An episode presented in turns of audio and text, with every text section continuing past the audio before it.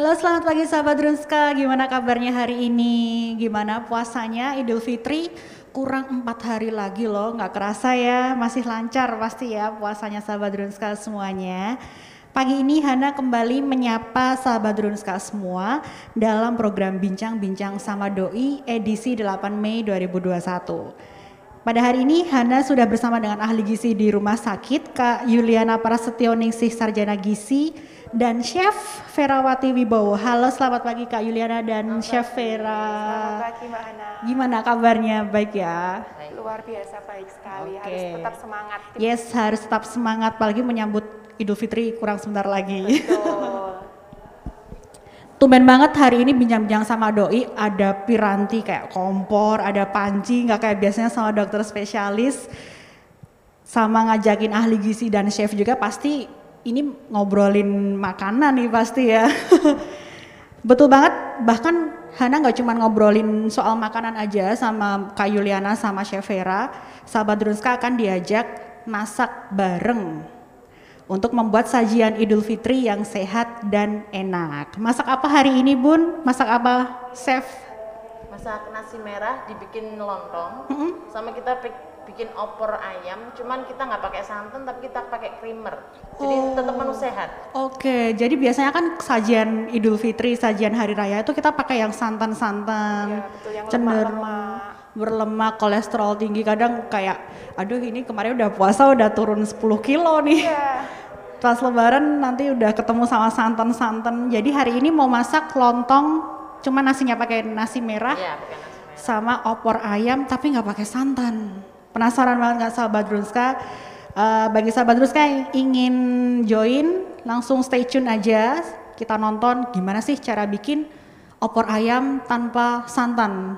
Hanel pun juga baru kali ini lihat masak opor ayam nggak pakai santan. Jadi uh, akan ada giveaway juga buat pemirsa BBD bincang-bincang sama doi hari ini berupa paket cafe diet bagi dua orang pemirsa yang beruntung. Jadi stay tune, tonton sampai habis sampai mateng lontongnya. Gak perlu berlama-lama, kita langsung mulai masak aja ya Chef, ya Kak Yuliana. Ya, nanti biar dijelaskan sama Chef Vera dulu untuk bahan-bahannya. Jadi nanti mungkin Sobat Dronska di rumah juga bisa catat nih bahan-bahannya apa aja, mudah ditemukan. Ya. Kita ada bawang merah, ada bawang putih, ada lengkuas, jahe, sama serai, ada creamer, ada kunyit, ada merica, beras merah, ayam, ada daun jeruk, ada serai.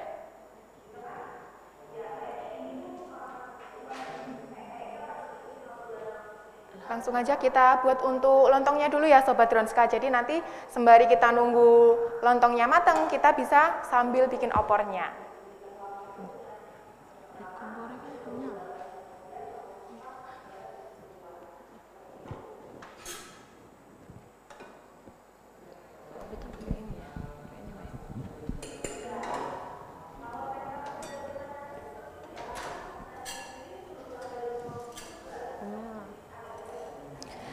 Jadi Kak Yuliana, uh, kalau biasanya lontong itu kan pakai nasi putih biasa, cuman ini karena temanya adalah sajian yang sehat, sehat iya. tapi tetap enak. Kenapa sih diganti pakai nasi merah? Ya, jadi gini Mbak Hana, biasanya kan lontong pada umumnya menggunakan nasi putih, itu cenderung uh, karbohidratnya lebih tinggi dan juga seratnya lebih rendah. Ini kita berikan alternatif, kita gunakan nasi merah, jadi itu seratnya lebih tinggi. Dalam 100 gram nasi merah itu saja sudah mengandung 1,8 gram seratnya, sedangkan untuk nasi putih itu hanya sekitar 0,4. Jadi tentunya lebih tinggi nasi merah, sehingga nanti seratnya yang tinggi ini akan meningkatkan gula darah yang lebih lama, jadi aman untuk penderita diabetes. Begitu. Jadi kalau setelah sembahyang pagi itu sholat Idul Fitri biasanya kan langsung yuk makan lontong opor dulu. Tuh, Nanti iya. siangnya nambah lagi nggak apa-apa tuh, aman berarti. Iya, meskipun pakai nasi merah tetap juga harus dibatasi. Jadi jangan langsung oh nasi merah terus langsung banyak dua lontong langsung habis sekaligus juga kurang bagus. Jadi nanti tetap porsinya menyesuaikan gitu tapi lebih amannya karena ini seratnya lebih tinggi sehingga untuk menurunkan kolesterol di dalam tubuh itu juga lebih efektif. Untuk porsi aman, jadi tuh biasanya kita kan lontong itu dipotongin gitu ya kayak itu yang paling dianjurkan itu kita makan berapa potong lontong sih kak dalam sekali makan gitu? Oke, kalau untuk bagusnya dalam satu porsi satu sajian itu cukup sekitaran 100 sampai 150 gram. Atau misalkan dipotong-potong ukuran yang sedang itu ya sekitaran 8 sampai 10 potong saja. Begitu.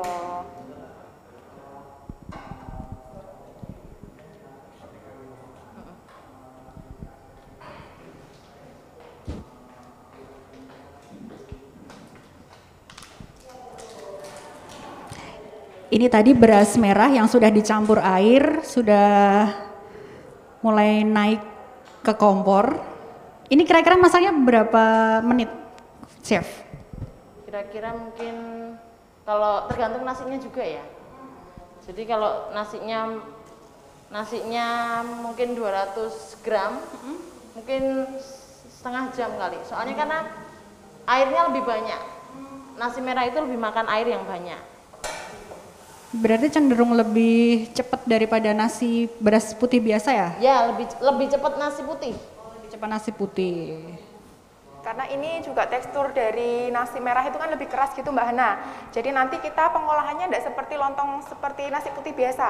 Kalau lontong untuk nasi putih biasa kan dari beras dicuci langsung bisa kita bungkus lalu direbus. Nah karena untuk nasi merah sendiri ini butuh banyak air, makanya kita perlu lakukan proses karon dulu, diaron dulu gitu biar lebih empuk dan nanti juga bisa lebih lengket. Karena biasanya kan untuk nasi merah itu cenderung lebih perah lebih gampang buyar gitu.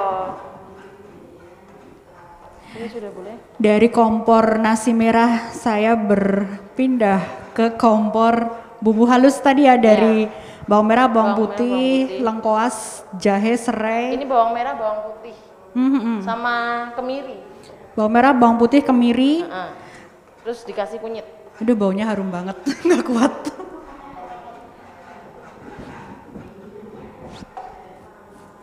Dan ini pertama kali kita masak opor ayam nggak pakai santan. Opor ayam yang lebih sehat gitu Mbak Hana, apalagi yes. di situasi pandemi ini kan kita masih dihimbau oh, untuk di rumah oh, aja. Di nah, rumah jadi aja. nanti tetap bisa makan enak, tapi hmm. sehat karena bahan-bahannya bisa diganti yang lebih sehat lagi. Untuk pilihan daging ayamnya juga dipilih yang bagian dada ya? Iya, bagian dada jadi itu lemaknya lebih rendah. Kulitnya hmm. kalau bisa dihilangkan saja karena untuk bagian kulit juga cenderung lemaknya tinggi. Jadi udah jaminan pasti sehat nih, udah nggak pakai santan. Daging ayamnya juga yang rendah lemak, aman deh. Jadi kayak abis puasa satu bulan itu tetap fit gitu loh bawaannya pas iya. hari raya kan kesannya tuh bukan yang balas dendam makan jor-joran gitu kan. Habis satu bulan kita menahan makan makanan enak nih, kita tetap bisa makan enak tapi tetap sehat. Yes.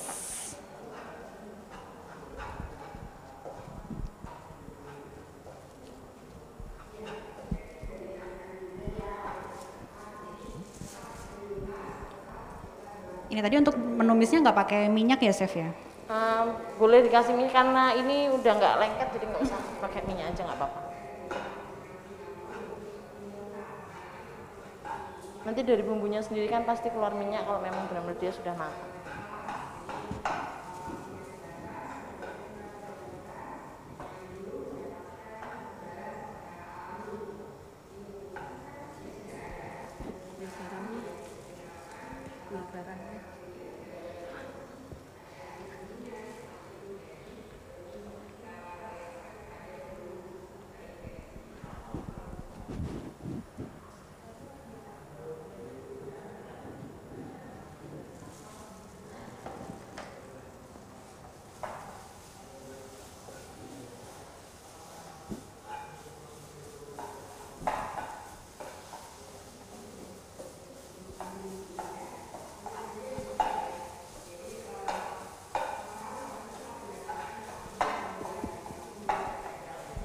Kalau perbandingan lontong opor biasa sama yang lontong opor versi Drunska, lontong opor ala Drunska yang sehat ini perbedaan kandungan gizinya gimana sih kak? Misalnya untuk lontong opor biasa karbohidratnya berapa, lemaknya berapa gitu. Jadi sahabat Drunska ada gambaran nih mungkin yang lagi diet tapi tetap pengen makan lontong opor gitu bisa.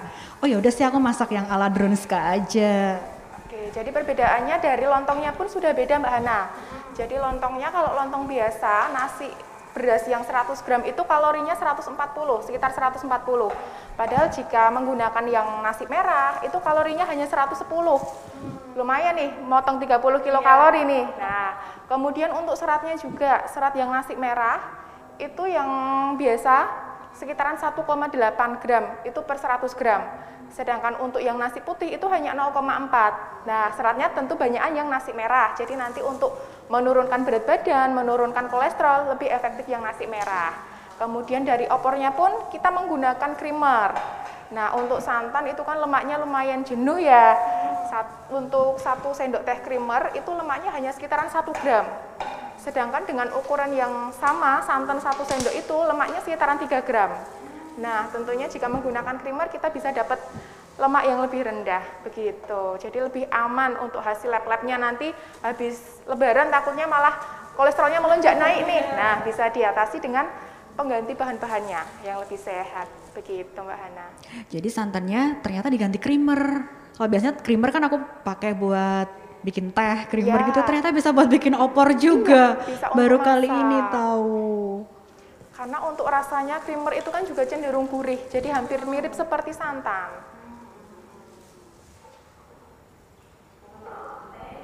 Untuk penyandang diabetes cenderung aman juga nggak, Kak? Ya, lebih aman, tapi dengan porsi yang ya sesuai dengan kebutuhan masing-masing gitu.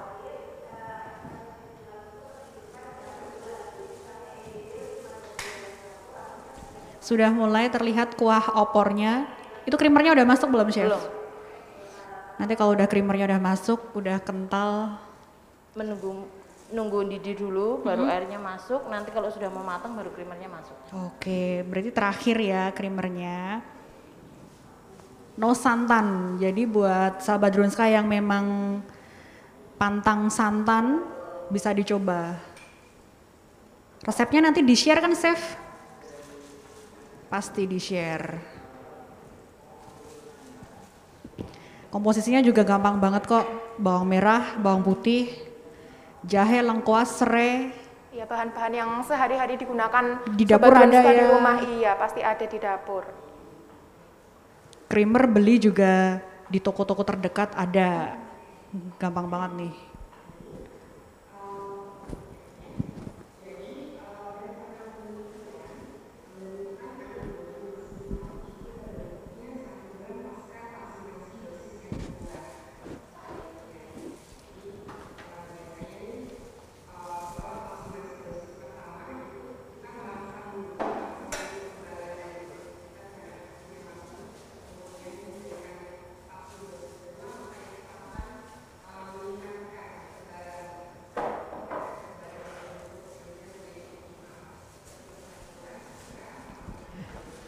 Sekalian ya mumpung ada ahli gizi di rumah sakit di acara bincang-bincang sama doi pagi ini saya mau tanya sih soal buka puasa gitu kan buka puasa kadang ada juga yang setelah puasa hampir 12 jam lebih ya buka puasa pakai es teh manis gitu tuh dianjurkan nggak sih meskipun ya pasti seger banget gitulah ya menu buka puasa yang paling dianjurkan dari ahli gizi itu apa aja kak? Ya, kalau untuk menu buka puasa sebenarnya ini bisa juga sih jadi alternatif oh, ya? menu buka puasa, hmm, opor hmm, hmm. dengan santan yang diganti creamer itu kan lemaknya sudah rendah.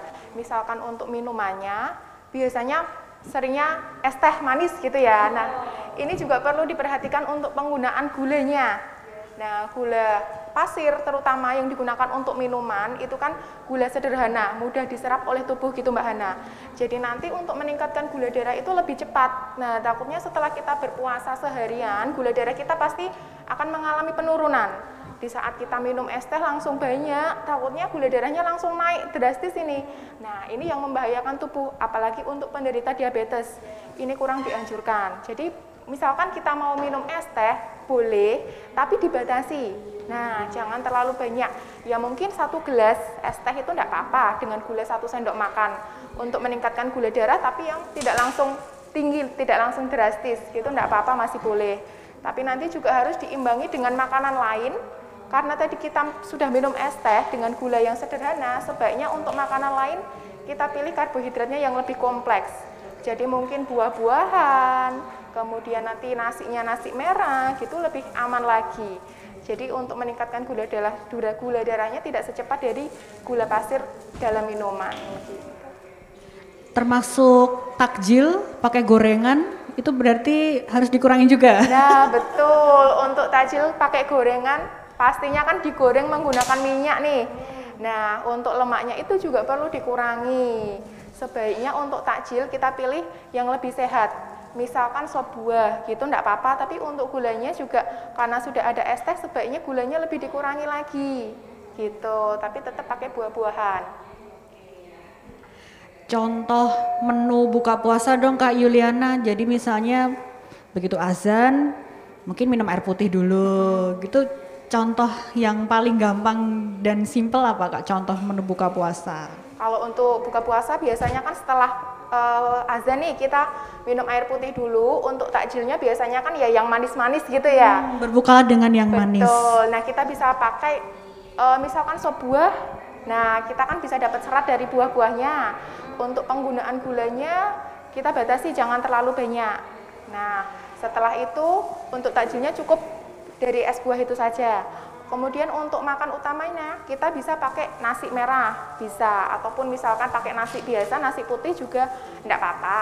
Kemudian untuk lauknya kita pilih yang mengurangi goreng-gorengan. Nah, untuk mengontrol kadar lemak kita.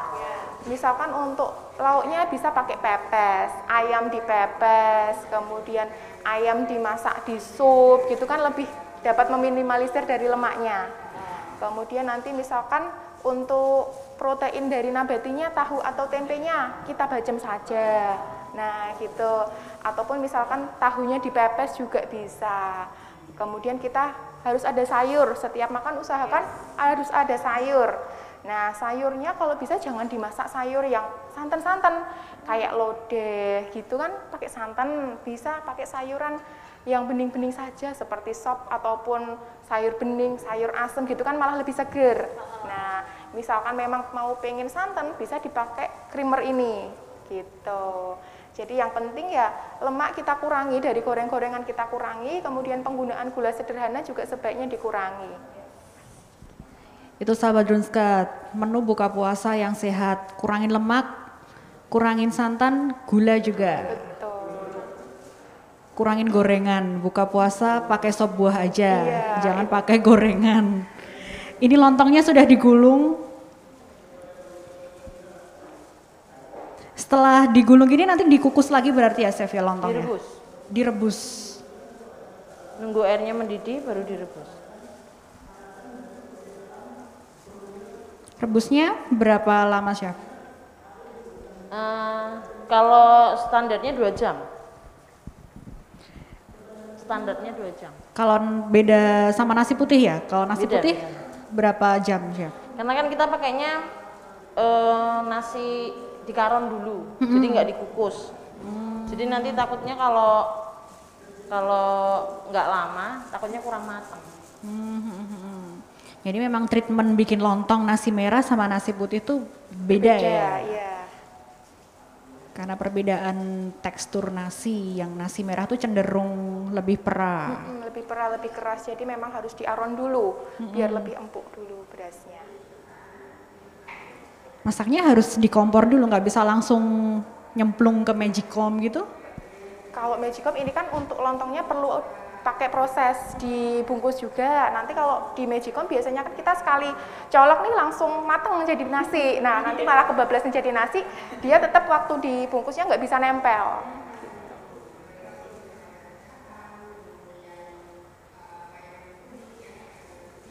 Oke sahabat Drunska, tadi saya sudah ngobrol sama Kak Yuliana, porsi makan lontong yang dianjurkan adalah 8 sampai 10 potong saja dalam sekali makan. Tapi kalau nasi merah, 11 nggak apa-apa, 11 potong. Mau ditawarin nih Mbak Ana. sebaiknya ya tetap 8 sampai 10 potong itu saja. Ya meskipun kandungan seratnya lebih tinggi, kandungan karbohidratnya lebih rendah, tapi tetap sebaiknya dibatasi. Tunggu airnya mendidih dulu, baru hmm. nanti lontongnya dimasukkan. Oke, tunggu air mendidih, lontong masuk. Ini tadi krimernya belum masuk ya, Chef? Belum. Baru tunggu sampai ayamnya matang dulu, baru hmm, hmm, hmm. dimasukin. Prosesnya cuma setengah jam menu ini itu pun juga tergantung ayamnya karena kan kita nggak tahu uh, porsi ayamnya seberapa hmm. setengah jam itu kan saya mikirnya karena kita bikinnya sedikit oke itu ayam berapa gram chef kalau sekitar 500 gram 500 gram setengah jam Tadi dari Kak Yuliana juga ini adalah menu yang dianjurkan juga untuk buka puasa karena aman dan sehat. Jadi nanti bisa gladi resik dulu untuk sajian Idul Fitri. Jadi sahabat Drunska bisa praktik, bahannya gampang banget. Di dapur ada ini.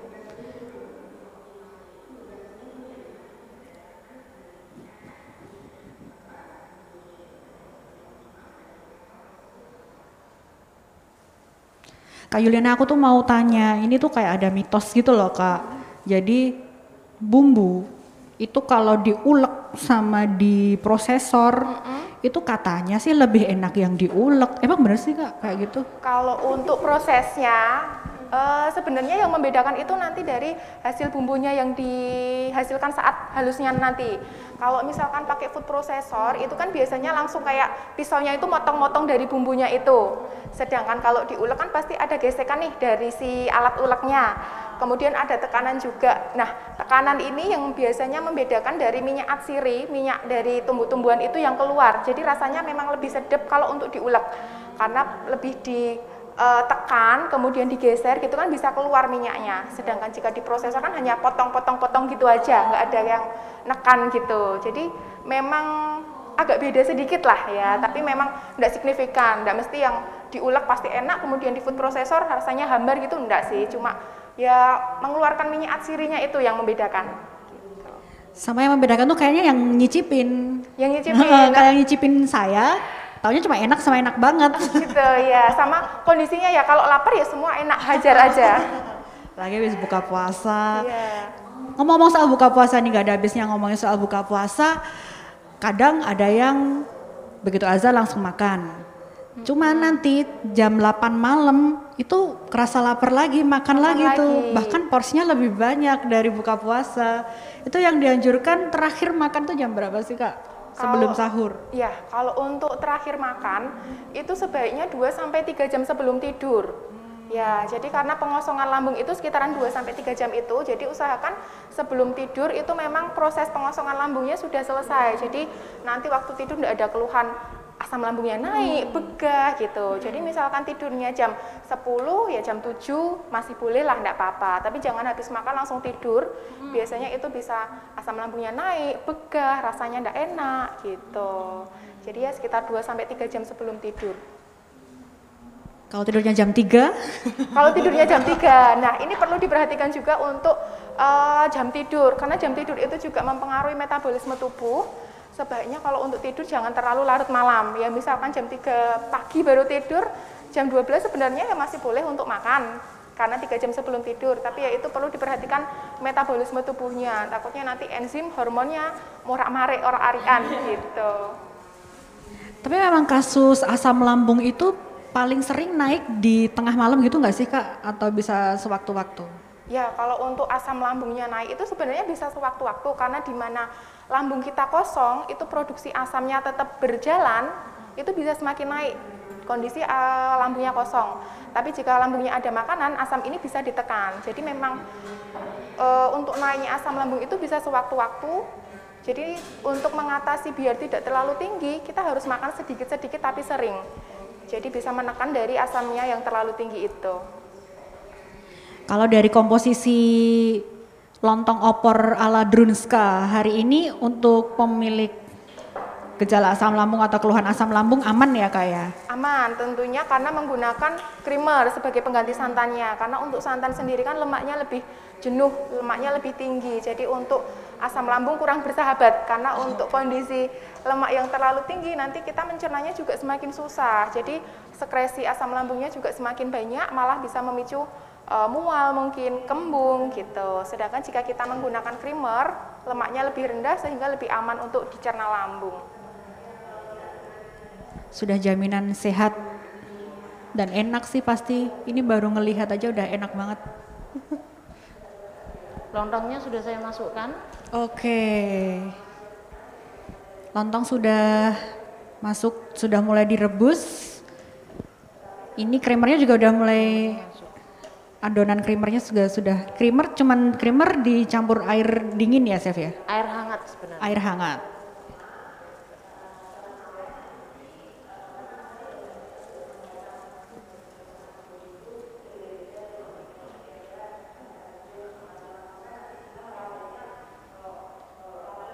harus dipastikan dulu ayamnya sudah matang baru dikasih creamer. Hmm.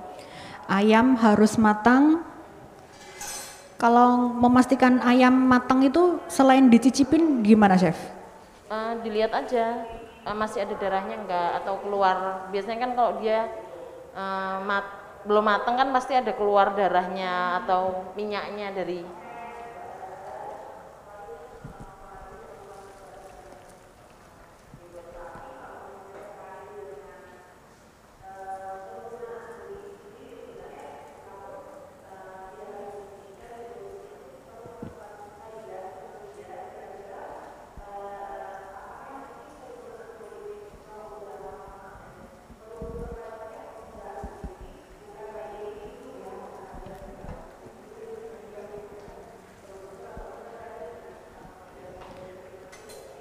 Ini kan aman buat penderita asam lambung, terus buat diabetes juga aman, yang mau diet turun berat badan juga aman.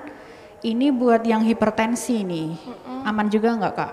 Nah untuk hipertensi kita nanti siasatnya menggunakan garamnya kak.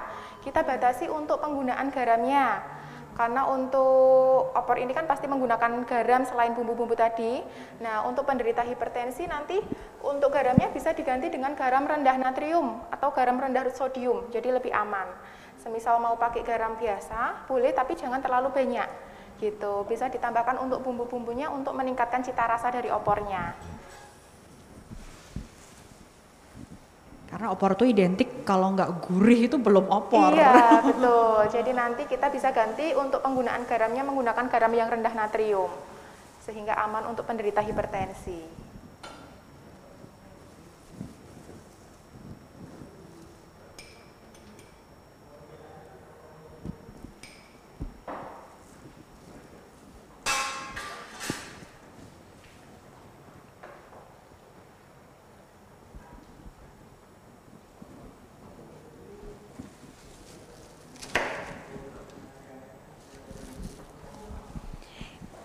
Ini adalah lontong yang sudah matang, sudah jadi.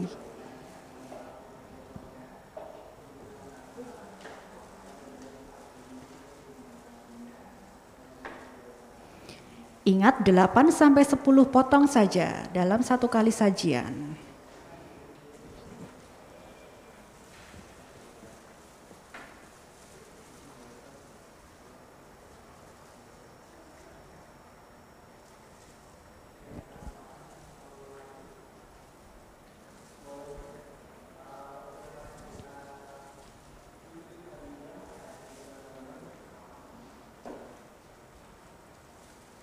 Kalau dari nasi kita bikin nasi baru dikukus biasanya nggak nggak bisa. Nggak bisa dipotong. Hmm, banget. Ya enggak dia malah lebih lunak. Hmm. tapi kalau dari nasi di karung hmm. terus direbus dia bisa lebih padat. Lebih tampak lontongnya ya, ya berarti ya. Jadi kalau tanpa diaron dulu biasanya hmm. mudah hancur gitu Mbak Hana. Hmm. Jadi ketika dipotong ambiar. Iya, ambiar. Tapi memang dari teksturnya berbeda ya, dia kayak lebih kayak sereal gitu, bul yeah. bulirnya lebih gede gitu lebih ya. kelihatan bulir-bulirnya. Sedangkan kalau untuk nasi yang biasa itu kan bisa nyatu, nggak ada yang bulir-bulirnya. Karena ini kandungan seratnya kan lebih tinggi. Jadi di luarnya itu memang ada batas-batasnya. Efek kenyangnya juga lebih lama nggak sih? Betul Mbak Hana, jadi karena seratnya yang tinggi itu untuk dicernanya lebih lama sehingga lebih mengenyangkan, efek kenyangnya lebih lama. Lontong nasi merah ala Drunska, bikin kenyang lebih lama. Abis ini mau nyoba aku di rumah.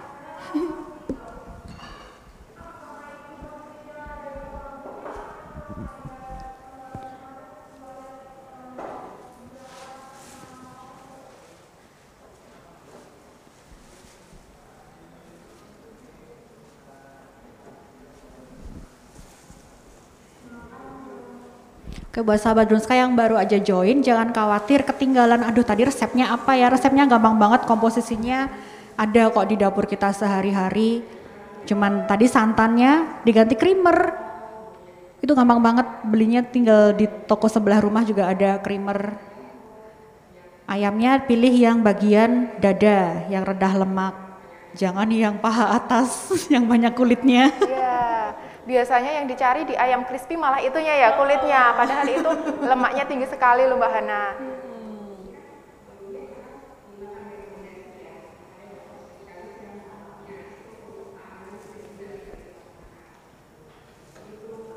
bagi sahabat Drunska yang mungkin pernah main-main ke rumah sakit kontrol atau memang berkunjung ke rumah sakit pasti ketika turun di main hall di lobby utama itu langsung jreng cafe diet gitu. Rumah Sakit Dr. Un Kandang Sapi Solo memiliki layanan cafe diet yang menyediakan catering diet untuk penyandang diabetes, kolesterol, asam urat, hipertensi, ada juga catering makanan pendamping ASI dan produk atau makanan diet lainnya, snack rendah kalori ada juga ya Mbak ya? Ada juga, jadi kue-kue kering khas lebaran nih ada oh, di kita. iya bener banget ini hampers udah mau lebaran, bagi yang suka kirim-kirim hampers, cafe diet rumah sakit Dr. Un Kandang Sapi Solo juga ada jus, masih bisa order nggak hari ini? Bisa. Masih bisa order, untuk order langsung klik Instagram @drunska di situ ada cara order hampers kue kering cafe diet Tadi Cocok kita, banget. Uh, kita makannya sudah opor rendah kalori, opor sehat, ngemilnya kita juga kue-kue hmm. kering yang sehat juga. Kue kering rendah kalori. Wah ini udah mateng.